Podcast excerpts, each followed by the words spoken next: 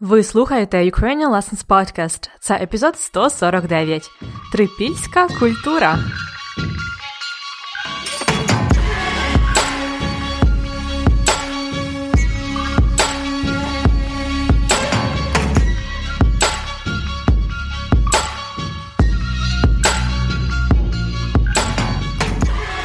Привіт-привіт! Це Анна Огойко з подкастом для всіх, хто вивчає і любить українську мову. Як у вас справи? Я ще в гостях у батьків в полонному, і сьогодні тут нарешті відчуваю весну. Світить сонечко. Тому в мене досить позитивний сьогодні настрій.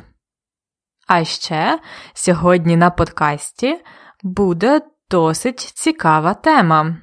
Про неї я почитала трохи, подивилася відео, і тепер хочу поділитися з вами цією інформацією.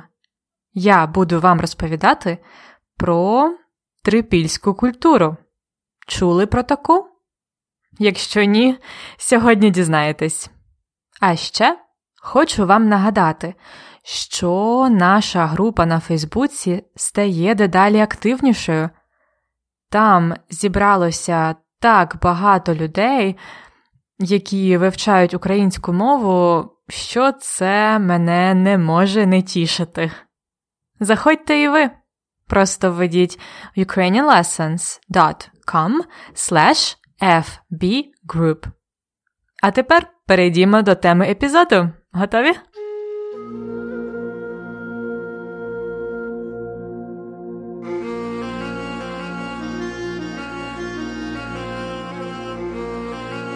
Трипільська культура.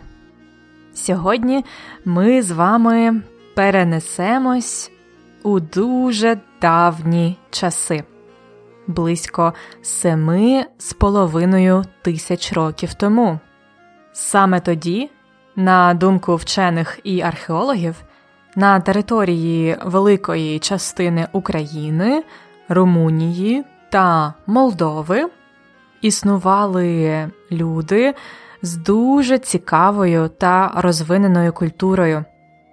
В Україні її називають трипільська культура, а цих людей називають трипільці. Ще раз, це сім з половиною тисяч років тому. Насправді невідомо, як ці люди називали себе. Адже з тих часів у нас немає писемних пам'яток, а назва Трипільська культура пішла від села Трипілля, що знаходиться на Київщині. Саме там, наприкінці 19 століття, український археолог Вікентій Хвойка відкопав стародавні поселення. І приблизно в той самий час схожі поселення відкопали також на території Румунії у селі Кукутень. Тому зараз е, цю культуру, про яку я буду розповідати, називають Кукутень трипільська культура.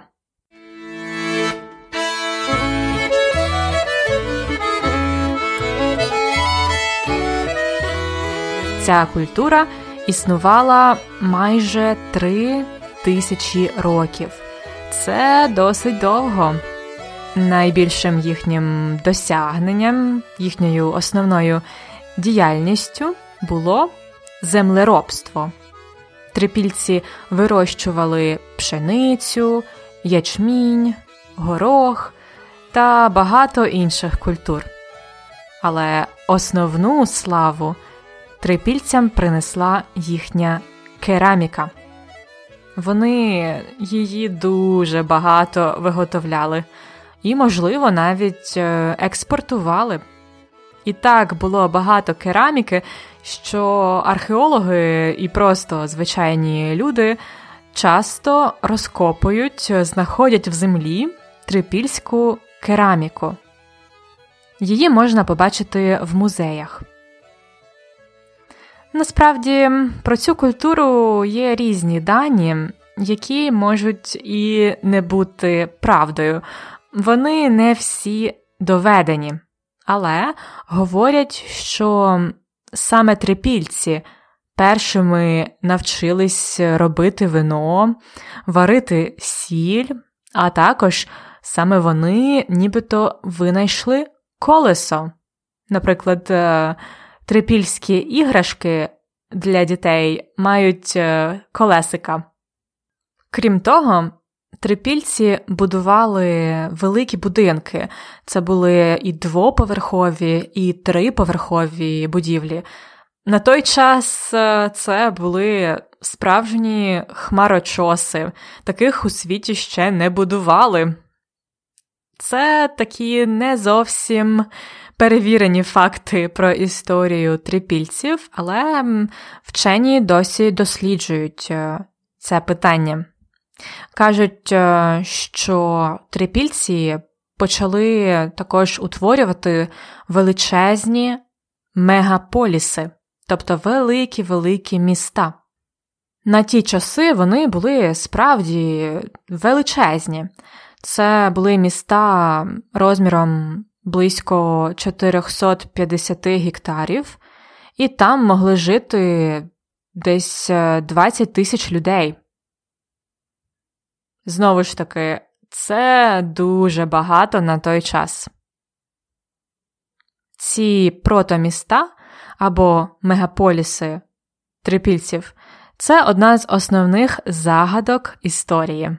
Можливо, трипільська культура це була високорозвинена цивілізація, яка не поступалася староєгипетській чи староіндійській. Але оскільки на ті часи не було писемності, то ми поки що не можемо знати, чи ці факти правдиві чи ні. Поки що ми не можемо розгадати цю загадку.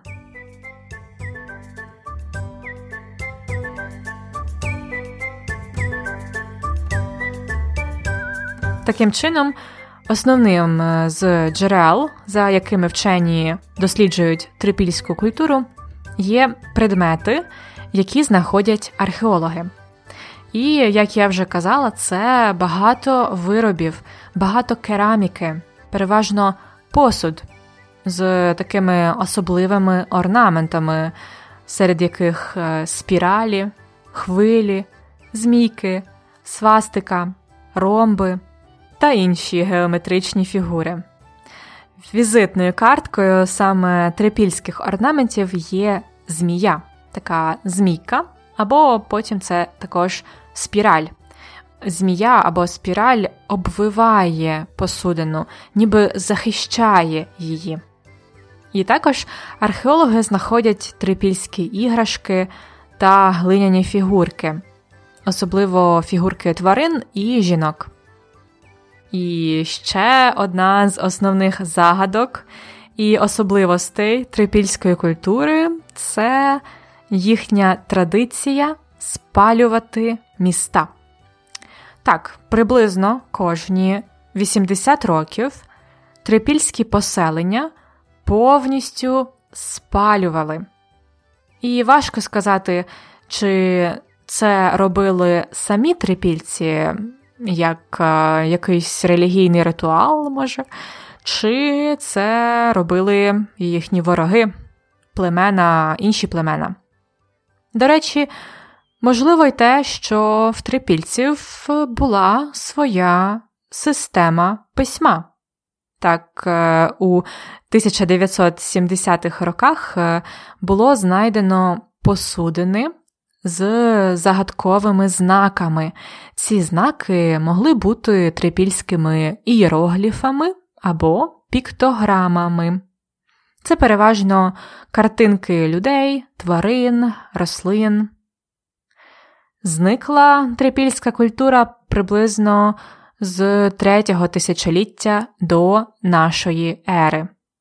З тих часів уже не знаходять характерної для трипільців кераміки.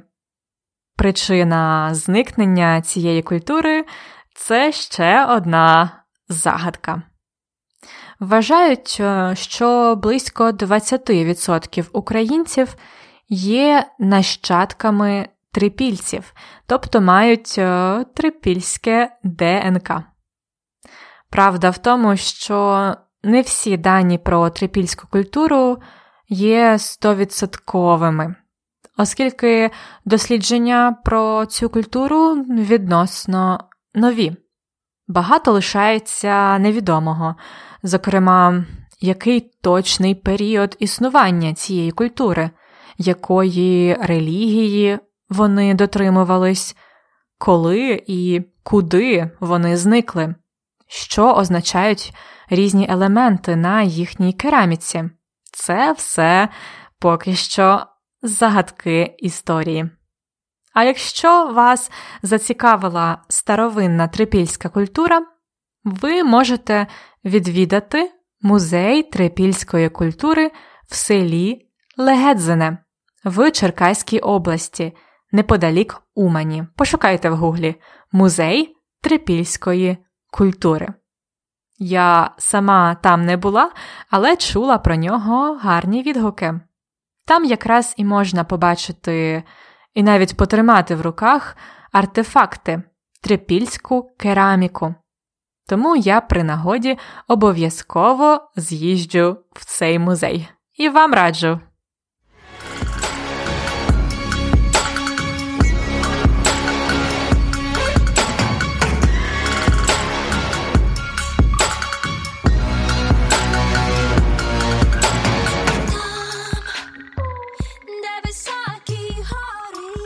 А зараз перейдімо до аналізу кількох корисних фраз та ідіом з моєї розповіді. Ну, по-перше, сьогодні я згадувала чимало загадок. Загадка або загадка це може бути якесь таке цікаве завдання, якесь питання, яке треба розгадати, тобто дати на нього відповідь. Зазвичай такі загадки дають дітям. А також загадка це якась таємниця, щось, що ми не знаємо, якась містика, можна так сказати. До речі, коли я готувала цей епізод, е, я частково брала інформацію з книжки «100 великих загадок історії України. Випадково знайшла цю книжку вдома у своїх батьків. Так от, я часто сьогодні згадувала загадки, щось невідоме. Я ще казала, що оскільки в ті давні часи не було писемності, то ми поки що не можемо знати точних фактів про трипільську культуру. Ми не можемо розгадати цю загадку. Розгадати загадку, по-іншому відкрити таємницю, дізнатися щось невідоме. Наприклад, у дослідженнях е, інших планет і космосу є багато загадок, які хочуть розгадати вчені. Розгадати загадки. Далі я казала, що візитною карткою трипільських орнаментів є змія або спіраль. Візитна картка або візитівка це картка, така маленька карточка, яку ви даєте людині, з якою познайомились. Зазвичай це на роботі, на конференції. На такій карточці написано ваше ім'я і ваші контакти. Візитна картка або візитівка. Але українською ми також говоримо образно, візитна картка про щось. Це про щось, що є особливим. Наприклад, візитною карткою проєкту Ukrainian Lessons є цей подкаст. Наскільки мені відомо, в інших проєктах з вивчення української мови немає подкастів. Подкаст це наша візитна картка. це наша фішка, можна сказати, наша особливість, візитна картка або візитівка, або фішка. Трипільці повністю спалювали свої поселення раз на 80 років. Важко сказати, чи робили це самі трипільці як релігійний ритуал, чи це робили їхні вороги. Важко сказати. Тобто ми не можемо знати точно. Це така корисна фразочка для вас, яку можна використовувати в розмові, якщо ви в чомусь не впевнені. Важко сказати, чи буде п'ятий сезон подкасту, чи ні. Це залежить, наскільки сильно ви його захочете. Важко сказати. Далі я ще казала таке. Правда в тому, що не всі дані про трипільську культуру є стовідсотковими. Правда в тому або правда втім така особлива форма слово той. Правда в тому або правда втім. Це також корисна фраза для розмови, коли ви хочете визнати, що ось є такий факт, і це варто сказати, бо це правда. На жаль, зазвичай це такий трошки негативний відтінок. Правда в тому. Тобто історія про трипільську культуру дуже цікава, захоплива, навіть неймовірна, але правда в тому, що її ще треба добре і по-науковому дослідити. Правда в тому. І останнє я розповідала вам про музей трипільської культури. Там е, можна побачити артефакти, трипільську кераміку. Я сама не була в тому музеї, але при нагоді обов'язково з'їжджу туди. При нагоді або коли випаде нагода. Тобто, коли в мене буде можливість. Нагода це можливість. Наприклад, коли я буду подорожувати Україною, чи коли буду мати час, або, може, буду десь недалеко від Умані, тобто при нагоді я відвідаю музей трипільської культури. Точна дата невідома. Я зроблю це, коли буду мати таку нагоду при нагоді. При нагоді я створю курс з української мови для іноземців. При нагоді.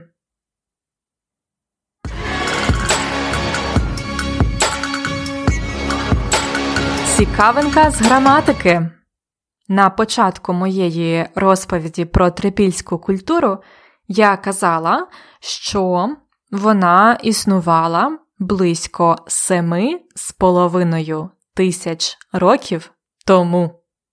Близько семи з половиною тисяч, або приблизно сім з половиною тисяч, або десь сім з половиною тисяч, або хтось ще може сказати біля семи з половиною тисяч. Усі ці слова близько, приблизно, десь, біля. Усі ці слова ми використовуємо з числами, щоб сказати, що це число не точне, приблизне. Ми не знаємо, скільки точно.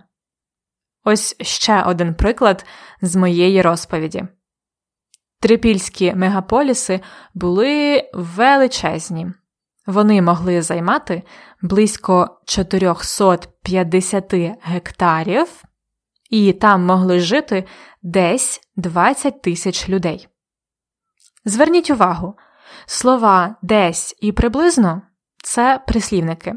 Їх використовуємо з називним відмінком, тобто звичайною формою числівника приблизно 5 мільйонів, десь 20 тисяч людей. Але близько це прийменник, його використовуємо з родовим відмінком числівника.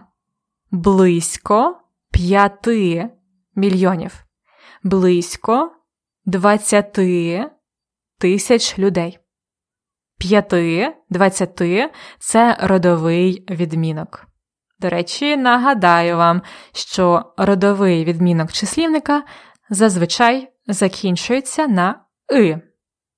5, 5, 6, 6, 7, 7, 8, 8, 12, 12, 30, 30.